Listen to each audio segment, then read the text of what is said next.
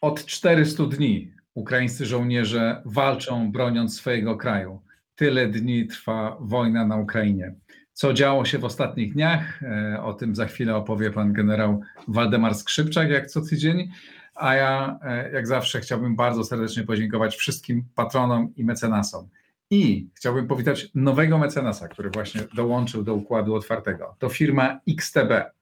XTB to platforma inwestycyjna, jeden z największych domów maklerskich w naszym kraju. Oferuje dostęp do tysięcy instrumentów finansowych z całego świata, analizy i komentarze bieżącej sytuacji finansowej oraz setki godzin materiałów edukacyjnych, pozwalających na zdobycie i poszerzenie wiedzy o inwestowaniu na każdym poziomie zaawansowania. To XTB, który właśnie do nas dołączył. Witam Państwa serdecznie. A teraz już łączę się z panem generałem Waldemarem Skrzypczakiem. A oto mecenasi Układu Otwartego. E-Kwadrat V to polska spółka zajmująca się sprzedażą energii elektrycznej pochodzącej wyłącznie z odnawialnych źródeł. Firma DevTalent, budująca zespoły programistyczne dla klientów z branży finansowej i cyberbezpieczeństwa. OnGeo.pl, geoportal dostarczający raport o terenie z diagnozą dowolnej działki dla właścicieli, sprzedających lub kupujących. XTB, polska platforma inwestycyjna oferująca dostęp do instrumentów finansowych, bieżących analiz rynkowych oraz setek godzin darmowych materiałów edukacyjnych. Dobry wieczór, panie generale. Dobry wieczór, witam pana, witam państwa. Dobry wieczór jeszcze raz. Tę e, rozmowę nagrywamy w czwartek wieczorem. E, jest już e, na zewnątrz ciemno. Ta ciemność nie jest jeszcze nieskazitelna, ale ale już zapadł wieczór, już wydarzenia mamy za sobą. Państwo będziecie tej rozmowy odsłuchiwać zapewne w piątek. Proszę opowiedzieć, co się działo w ostatnich dniach na Ukrainie. Znaczy generalnie sytuacja na froncie wygląda jak impas strategiczny. Obie strony dążą do wywalczenia przewagi, aby móc przyjąć inicjatywę operacyjną. E, widać wyraźnie, że Rosjanie za wszelką cenę jeszcze kontynuują swoje działania zaczepne szukając rozwiązania na którymś z wybranych kierunków. Atakowali wcześniej na Bachmucie, atakują nadal, ale już mniejszym natężeniem. Teraz przenieśli wysiłek na kierunek Awdijewki, na Kupiańsk w nadziei na to, że uda im się przełamać obronę ukraińską, w nadziei na to, że Ukraińcy przesunęli część odwodów na kierunek bachmucki, więc liczą na to, że na jakimś odcinku frontu uda im się przerwać tą obronę w głębiej, głębiej wejść w tą obronę i na to Rosjanie liczą, choć cały czas widać wyraźnie, że Rosjanie wykorzystują swoje odwody, które przygotowali na wielką ofensywę, co znaczy, że wielkie ofensywy Rosjanie nie będą w stanie przeprowadzić.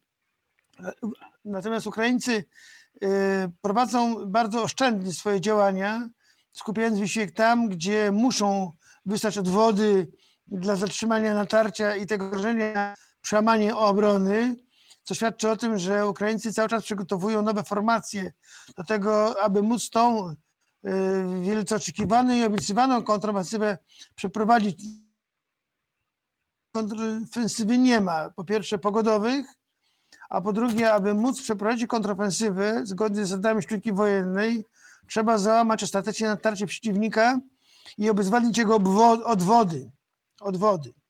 A zatem, aby móc takie zadanie wykonać, Ukraińcy po pierwsze muszą to, tak jak powiedziałem, obronę, natarcie armii rosyjskiej załamać, zatrzymać, mieć odwody zgromadzone na wybranym kierunku lub dwóch, gdzie chcą przeprowadzić kontrofensywę, skoncentrować swoje wojska na tym kierunku, aby móc te zgrupowanie uderzeniowe przygotować.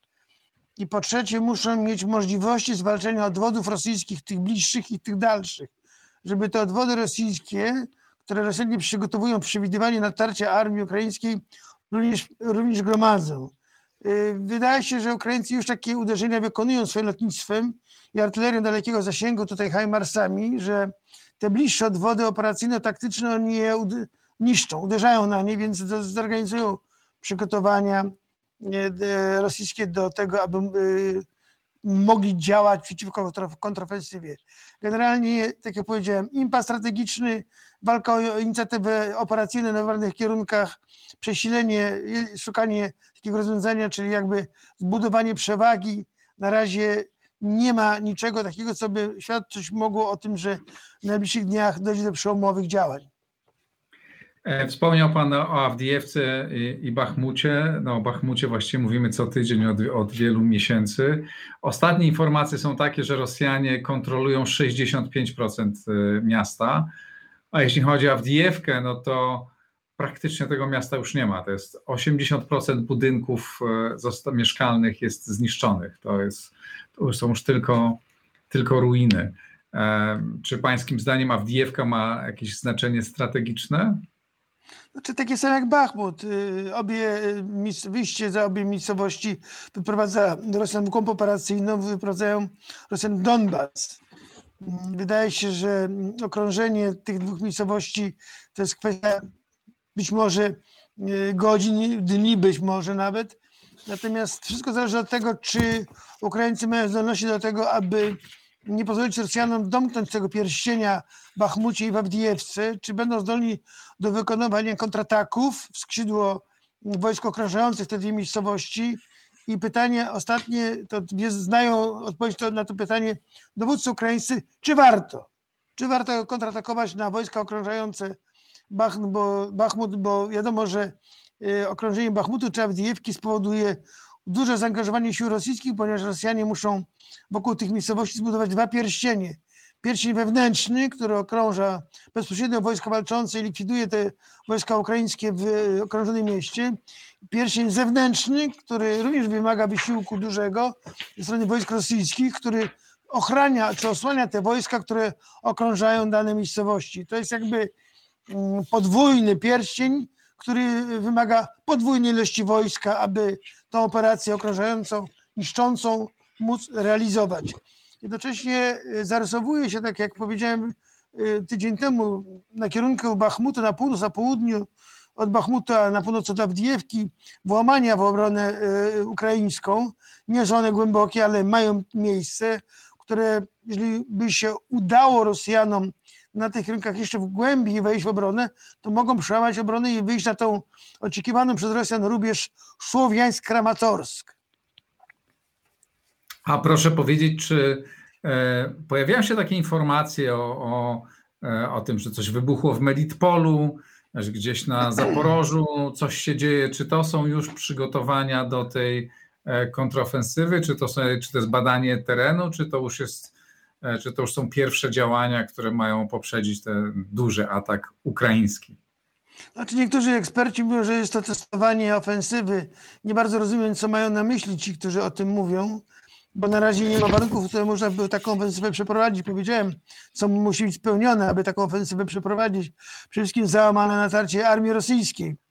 Y, te uderzenia, o których Pan mówi, one mają miejsce w składach y, amunicji, w składach paliw, w systemie dowodzenia armii rosyjskiej. Ono, one miały zawsze miejsce i one y, moim zdaniem jest, są kontynuowane w ramach tych uderzeń, nazwijmy je głębokimi na tyły armii rosyjskiej, żeby logistyka cały czas armii rosyjskiej była niszczona i cały czas była zagrożona zarówno tymi uderzeniami ukraińskimi bezpośrednimi, lotnictwem czy artylerią, jak również działaniami grup dywersyjno-rozpoznawczych czy działaniami partyzanckimi. I e, te działania są prowadzone nieustannie. One w zasadzie mają charakter ciągły, w związku z tym e, na razie moim zdaniem symptomów do tego, że Ukraińcy testują tą kontrofensywę, nawet choć nie wiem na czym to miałoby polegać to testowanie, e, bo przecież nie wyprowadzają żadnego uderzenia kluczowego, tym bardziej, że te uderzenia, które e, w tej chwili Ukraińcy gdziekolwiek realizują, a kilka dni temu kontratakowali na północ od Bachmutu, to są to kontrataki lokalne o, o, na poziomie taktycznym, nieoperacyjnym. W związku z tym one nie mają jakiegoś znaczenia wielkiego, natomiast e, nie można robić, wie pan, nazywać operacją tego, co wygląda jak zdobycie dwóch, trzech pozycji obronnych armii rosyjskiej. To nie jest operacja, to są działania taktyczne no, czy kontrataki, które przede wszystkim mają poprawić położenie albo robić wojska rosyjskie, rosyjskie które zagrażają na przykład działaniami okrążającymi obronie ukraińskiej. Dlatego też twierdzę, że ta operacja niszczenia, dewastacji logistyki rosyjskiej to jest proces ciągu, ona trwa w zasadzie od początku wojny i nieustannie Ukraińcy to robią.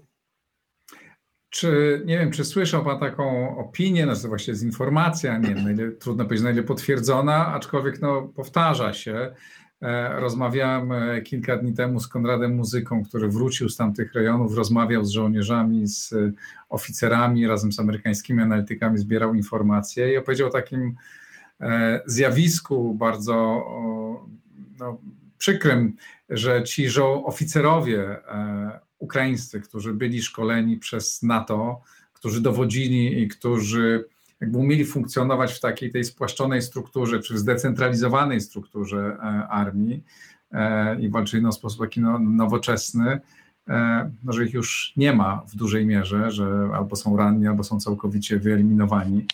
Mm, zastępują ich żołnierze, zastępują ich oficerowie, którzy wcześniej byli odsuwani, czyli tacy no, z tym postkomunistycznym, postsowieckim może lepiej e, jakby wyszkoleniem i którzy nie pozwalają tym oficerom niższej rangi same, samemu samodzielnie podejmować decyzji i że każda decyzja, która ma być podjęta przez oficera będącego w polu ze, swoją, mm, ze swoimi żołnierzami musi czekać na akcept z góry i przez to Ukraińcy tracą e, wiele szans. Nie wiem, czy pan e, słyszał o takich sytuacjach, jakie jest pańska opinia na ten temat?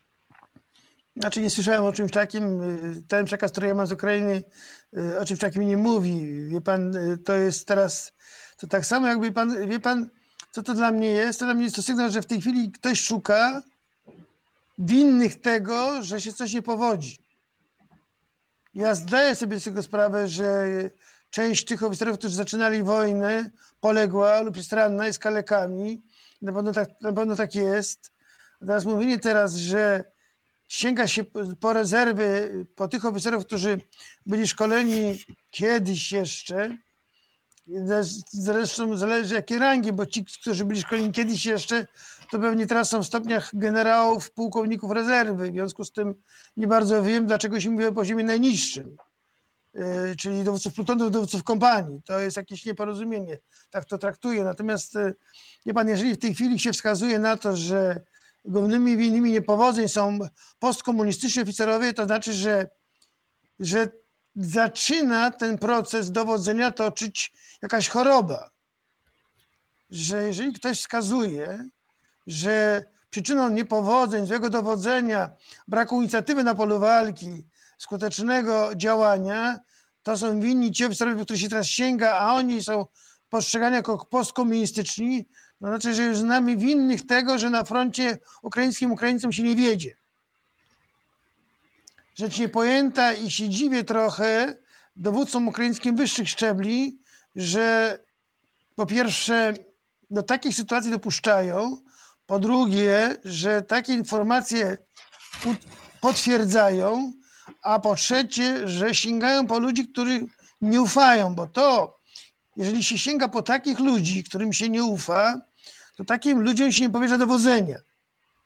Więc zastanawiam się nad tym, co drąży armię ukraińską, jaka choroba. Bo to nie jest, panie redaktorze, rzecz taką, którą można ominąć, którą można pominąć. Uważam, że to są wyraźne sygnały y, o sprawach, o których powiedziałem przed chwileczką. Mhm. E, no, coś się dzieje, to mój rozmówca mówi wręcz o wojnie kulturowej, która, a, a, która toczy się. Jakby są, są dowódcy szkoleni w różnych systemach i różne, e, e, różnie przygotowywani. Dobra, mhm. to umówmy się, że to nie jest wojna w takim razie, a zaczęła się ta wojna wewnętrzna. Pan spór w tej chwili kulturowy, że my teraz, my skupimy uwagę wszystkich na sporze kulturowym między komuną, a tym, co jest teraz, to tak na dobrą sprawę to trzeba białą flagę wywiesić powiedzieć, dajcie nam czas, my sobie rozstrzygniemy swoje sprawy kulturowe, a z wojną poczekamy, a potem będziemy się dalej bić. Niedopuszczalne. A wie pan co? To jest rozprężenie dyscypliny na froncie, w armii. To jest e, niebezpieczne, bo to zagraża jedności, spójności armii ukraińskiej. Ja nie wiem, czy ci, którzy o tym mówią, mają świadomość, że to jest spójność armii. To podważa poważnie morale armii. Bo wie pan dlaczego? Dlatego, że ci szeregowi przestaną ufać swoim dowódcom, tym wskazanym z, z palcem przez kogoś, to są postkomuniści. To nie droga do zwycięstwa. No, ta droga e, zapewne będzie jeszcze trudna, ale za, ja jestem w stanie sobie wyobrazić, że takie procesy e, zachodzą, tak? No bo wojna, ta armia się zmienia.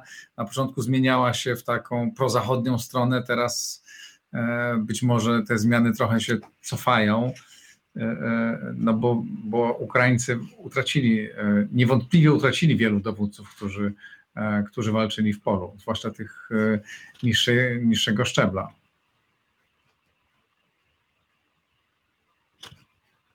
Znaczy, wie pan co, nie ma odwrotu od drogi, którą e, rozpoczęła armia ukraińska. Jeżeli ktokolwiek próbuje sugerować, że ktokolwiek e, e, to może zmienić, to jest błędnie. Bo ja znam również tych żołnierzy, którzy walczyli z nami ramię ramię w Iraku, którzy byli jeszcze doskonaleni i szkoleni w tamtym poprzednim systemie i wiem, że oni, nadal, że oni są na froncie i walczą. Więc wie pan, jeżeli to jest teraz takie rozróżnianie lub dzielenie żołnierzy, to jest rozbijanie spójności armii. I tutaj bym, wie pan co, raczej widział propagandę rosyjską i działanie dywersji propagandowej niż e, wolę tych dowódców, którzy odpowiadają za dowodzenie polu walki. Chyba, że w ten sposób są przy... hmm. Chyba, że w ten sposób są przykryć... Przepraszam bardzo, ja panu przerwałem. Chyba, że w ten sposób chcą przykryć swoją nieudolność. Bo z reguły mhm. tak jest, że zawsze jak dowódcy się nie wiedzie, jest nieudolny, to zwalany winy na podwładnych i wtedy szuka wszystkiego, co może tych ludzi obnażyć. Ale to wie pan, nie tędy droga, nie, to nie jest droga do zwycięstwa i to jest, powtarzam, bardzo niebezpieczne na morale i dla spójności armii ukraińskiej. A czy pan nie miał do czynienia z takim, e, nie obserwował pan takiego zjawiska, no, kiedy pan e, był w Afganistanie, no, z tą najlepszą częścią polskiego E, polskiego wojska, tym wyszkolonym już w warunkach i bojowych, szkolonym przez Amerykanów. No i zdarzał się pan też, spotykał się pan też z żołnierzami, dowódcami wyszkolonymi, wychowywanymi w innych warunkach. Nie? Do takich zdarzeń to, to jest takie dosyć naturalne zjawisko. Nie miał pan z, tak, z czymś takim do czynienia?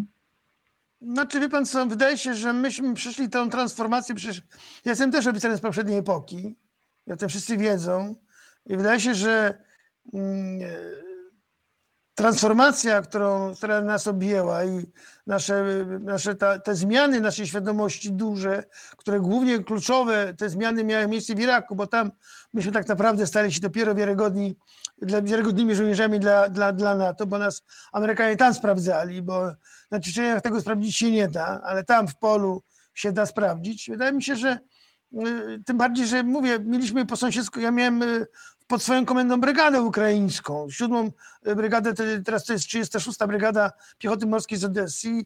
Ta brygada świetnie się sprawiała. Tam byli oficerowie, można powiedzieć, z tego poprzedniego systemu.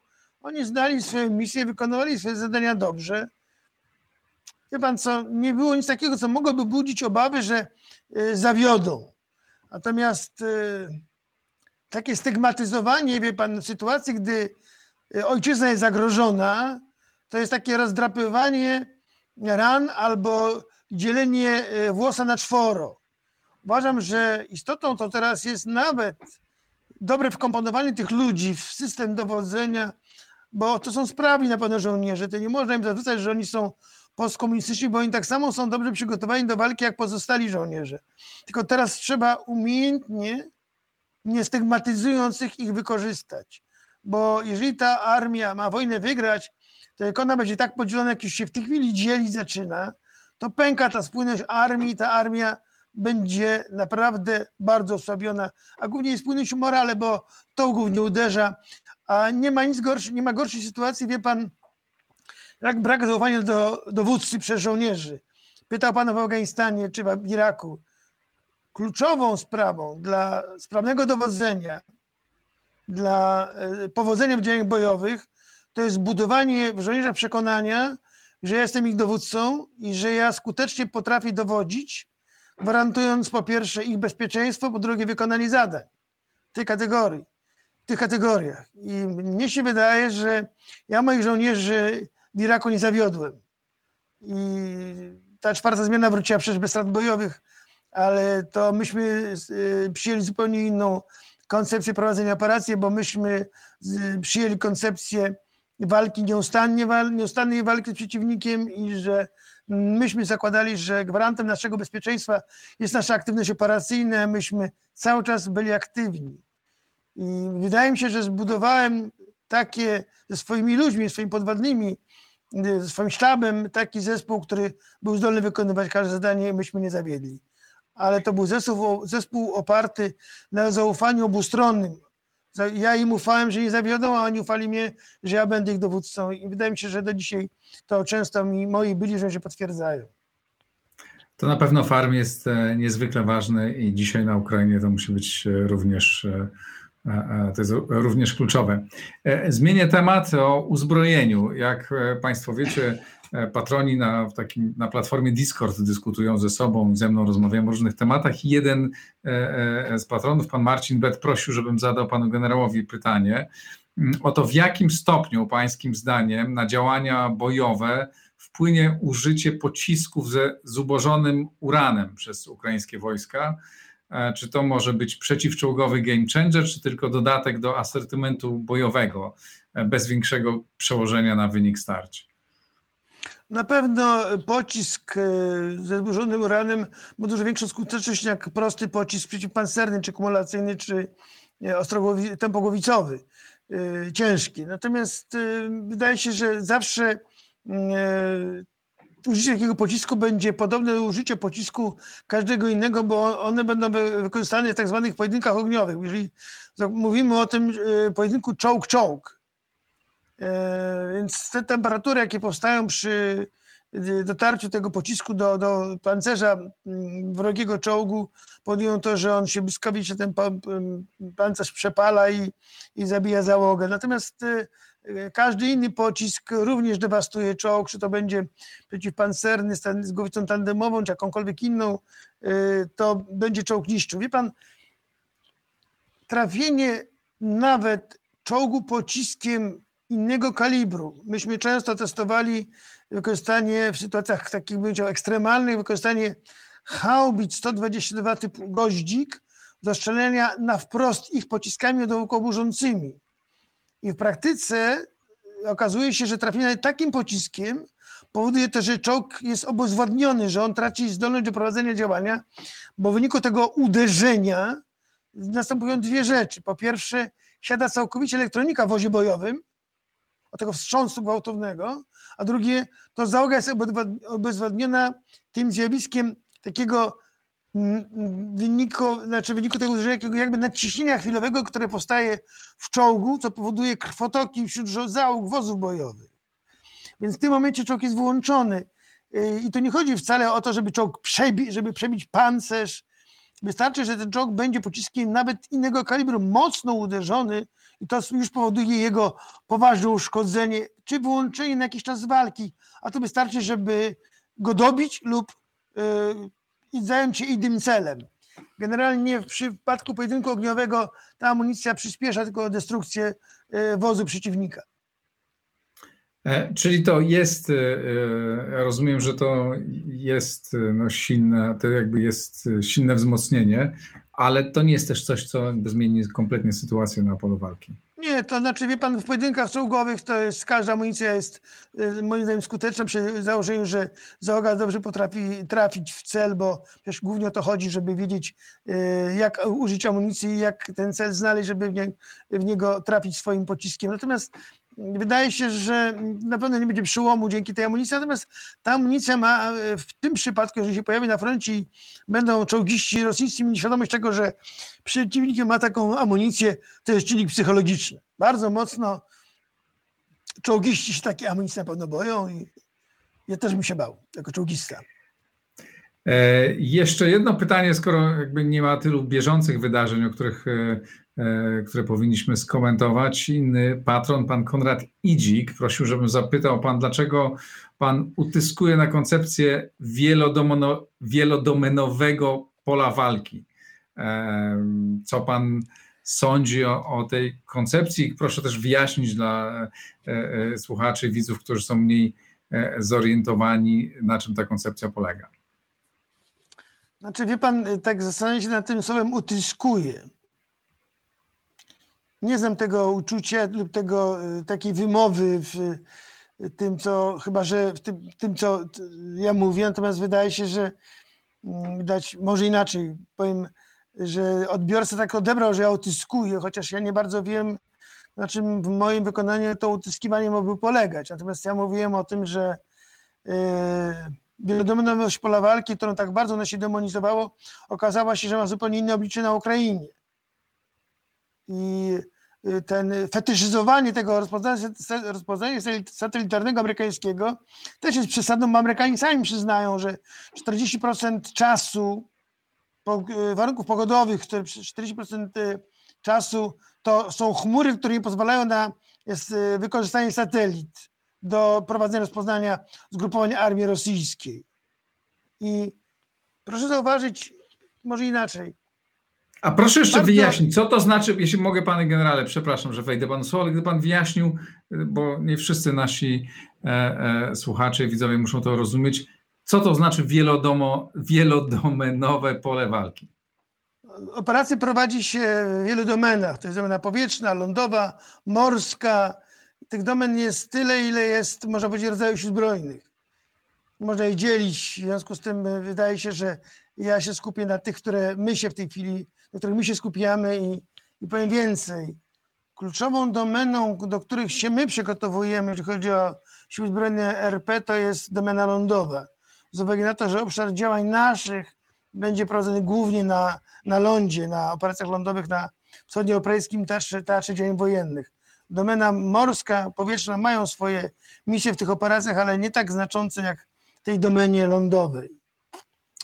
Y, wie pan, y, ja przypomnę y, tym, którzy się interesują historią, operację w Ardenach w 1944 roku, tą zaczepną, którą Rosjanie, znaczy Niemcy mieli tą jakby operację ostatniej nadziei przeprowadzali, to początkowe sukcesy tej operacji wynikały z tego, że ta operacja była prowadzona w bardzo trudnych warunkach atmosferycznych, trudnych do użycia lotnictwa przez y, Amerykanów. Dopiero kiedy się pogoda poprawiła, udało się Amerykanom dzięki lotnictwu tę ofensywę zatrzymać. Oczywiście też i dzięki armii Pattona. Także są w tych wszystkich domenach różnego rodzaju środki i um, satelity i Starlinki, wszystko inne, ale które nie mogą być w pełni wykorzystane z uwagi na warunki różne, które generalnie determinują ich użycie, więc powtarzam, nie demonizuję wielu rzeczy, bo kiedyś powiedziałem o tym też u pana, że Amerykanie w Iraku mieli wszystko, opanowane do perfekcji, opanowane do perfekcji. I satelity, i A-10, i F-16, Mieli też e, wszystkie typy dronów uderzeniowe, stacje rozpoznawcze, czołgi Abramsy. I czym się ta wojna w Iraku skończyła? Powtarzam, jestem bardzo ostrożny w definiowaniu wniosków takich, które niektórzy doktrynerzy próbują nam głowy wtłaczać, ponieważ okazuje się, że to często przeciwnik kreuje możliwości wykorzystania naszych systemów rażenia czego przykładem byli Zarkawi i jego rebelianci w naszej prowincji e, w Iraku, którzy posługiwali się tylko moździerzami na pick-upach i kałachami. No ale tak przy okazji, bo wie pan co, ja bym powiedział tak, teoria to jest jedno, praktyka to jest drugie. Tak. E, wracając na Ukrainę, rozumiem, że e, dalej czekamy na już nie czekamy na, na ofensywę rosyjską, bo jej prawdopodobnie nie będzie i, i bardzo dobrze, ale cały czas czekamy na rozpoczęcie kontrofensywy ukraińskiej, a w tej kontrofensywie ma pomóc e, między innymi Łódź, na którą pan zbiera pieniądze. Proszę przypomnieć o tej Zbieramy zbiórce. wszyscy te pieniądze. Powiem tak, ta zrzutka na Patronite, ta zrzutka, którą jest prowadzona w tej chwili, to jest kwota około pół miliona. Dziękuję bardzo za to, chylę czoło wszystkim darczyńcom, wszystkim darczyńcami. Jestem w kontakcie w tej chwili z dowódcą brygady, który ma skierować żołnierzy do mm, przeszkolenia operatorów przeszkolenia na tą łódź. Ta łódź melduje jest gotowa. Ta łódź jest gotowa i ona jest do przekazania już w kamuflażu, nawet takim, jakim Ukrai jakiego Ukraińcy oczekiwali. I czekam w tej chwili na e, to, kiedy przybędą oficerowie z e, Ukrainy, żeby tą łódź przejąć, bo chcemy to zrobić w miarę uczy uczyście, e, żebyście wy wszyscy Państwo darczyńcy widzieli, że Ukraińcy, Ukraińcy tą, broń przyjmują, tą broń przyjmują, to jest w końcu broń. Logistykę zabezpieczają Ukraińcy, także łódź jest gotowa do przekazania. A czy tych pieniędzy, na, czy pieniędzy na łódź jest już tyle, ile trzeba? Czy te, te, znaczy, te ta pieniądze łódź, zebrane już... Ta kwota, która została zebrana wystarczy na łódź, a mam nadzieję, że y, ta zbiórka, bo w sumie się toczą, mają miejsce dwie zbiórki, pozwolą nam zebrać na kolejną łódź dla, dla Ukraińców, bo przynajmniej z tego, co widzieli na filmach, to są z tego bardzo kontenci. Ufam, że, że ta łódź spełnia ich oczekiwania i tym bardziej, że oni tego już potrzebują. Chociażby w kontekście tego, że, że te oddziały, które będą tą ucztą przejmą, będą na pewno miały swoją rolę w tej operacji zaczepnej, tej kontrofensywie. Kontrofensywie, która, na którą musimy jeszcze poczekać. Bo moim zdaniem, panie redaktorze, szanowni państwo, Ukraińcy jeszcze nie są do niej gotowi, że ten strumień sprzętu, on płynie cały czas. Słyszymy o tych transportach. Pamiętajmy o tym, że te transporty muszą trafić do wojsk, muszą trafić na pozycje bojowe, muszą trafić do w ręce żołnierzy wyszkolonych, którzy muszą jeszcze wyszkolić. Muszą się zgrać bojowo ramach pododdziałów, zatem dajmy czasu Ukraińcom na przygotowanie się do tej kontrofensywy, żeby to zgrupowanie bojowe było dobrze przygotowane, żeby było silne uderzenie, bo kluczem do powodzenia to jest silne, perfekcyjne, głębokie uderzenie tymi siłami, które, które Ukraińcy przygotowują do tej operacji. Tym bardziej, że ja twierdzę, że jeżeli dojdzie do takiego uderzenia, to Ukraińców będzie stać na, tak, na takie uderzenie, ale tylko jedno. Jedną taką kontrofensywę, tak. bo niektórzy mówią o wielu kontrofensywach. No nie da się. Rosjanie prowadzą wiele ataków na wielu kierunkach. Co im to daje? Utratę potencjału. Ofensywne działanie, czyli jakby decydujące, które ma być decydującym, polega na tym, że się kumuluje na wybranym kierunku groź sił, do wykonania zdecydowanego, gromiącego przeciwnika uderzenia, które ma wywołać dwa skutki przede wszystkim. Odwrót wojsk przeciwnika i y, jakby mm, zainicjuje rozkład jego armii. Bo ja w to wierzę, że Rosjanie po klęsce, takiej sromotnej klęsce, takiej powiedziałbym wielkiej klęsce są gotowi, będą gotowi się wycofać z Ukrainy, bo Ukraińcy, żeby chcieli całe terytorium, te 20% utraconego terytorium odbijać teraz swoimi siłami, panie redaktorze, to muszę mieć armię 4-5-krotnie większą niż mają Rosjanie. Tak. To się nie uda. Czekając, e, czekamy zatem na tę e, na kontrofensywę. E, dziękuję bardzo, panie generale, za dziś. Zobaczymy, co będziemy, o czym będziemy mogli rozmawiać za tydzień. E, to wszystko. Dziękuję bardzo. Dziękuję bardzo. Spokojnego wieczoru. E, pozdrawiam e, Państwa. To wszystko na dziś. Napiszcie oczywiście, jak zawsze czekamy na Wasze komentarze. Subskrybujcie, wspierajcie na patronite.pl. Wspierajcie zrzutkę pana generała na Łódź, bo to wsparcie Ukraińcom jest bardzo potrzebne. Dziękuję bardzo. Pozdrawiam. Dobrego weekendu. Przygotowując odcinki układu otwartego, korzystam z serwisu Infopiguła. Link do Infopiguły znajdziecie pod nagraniem.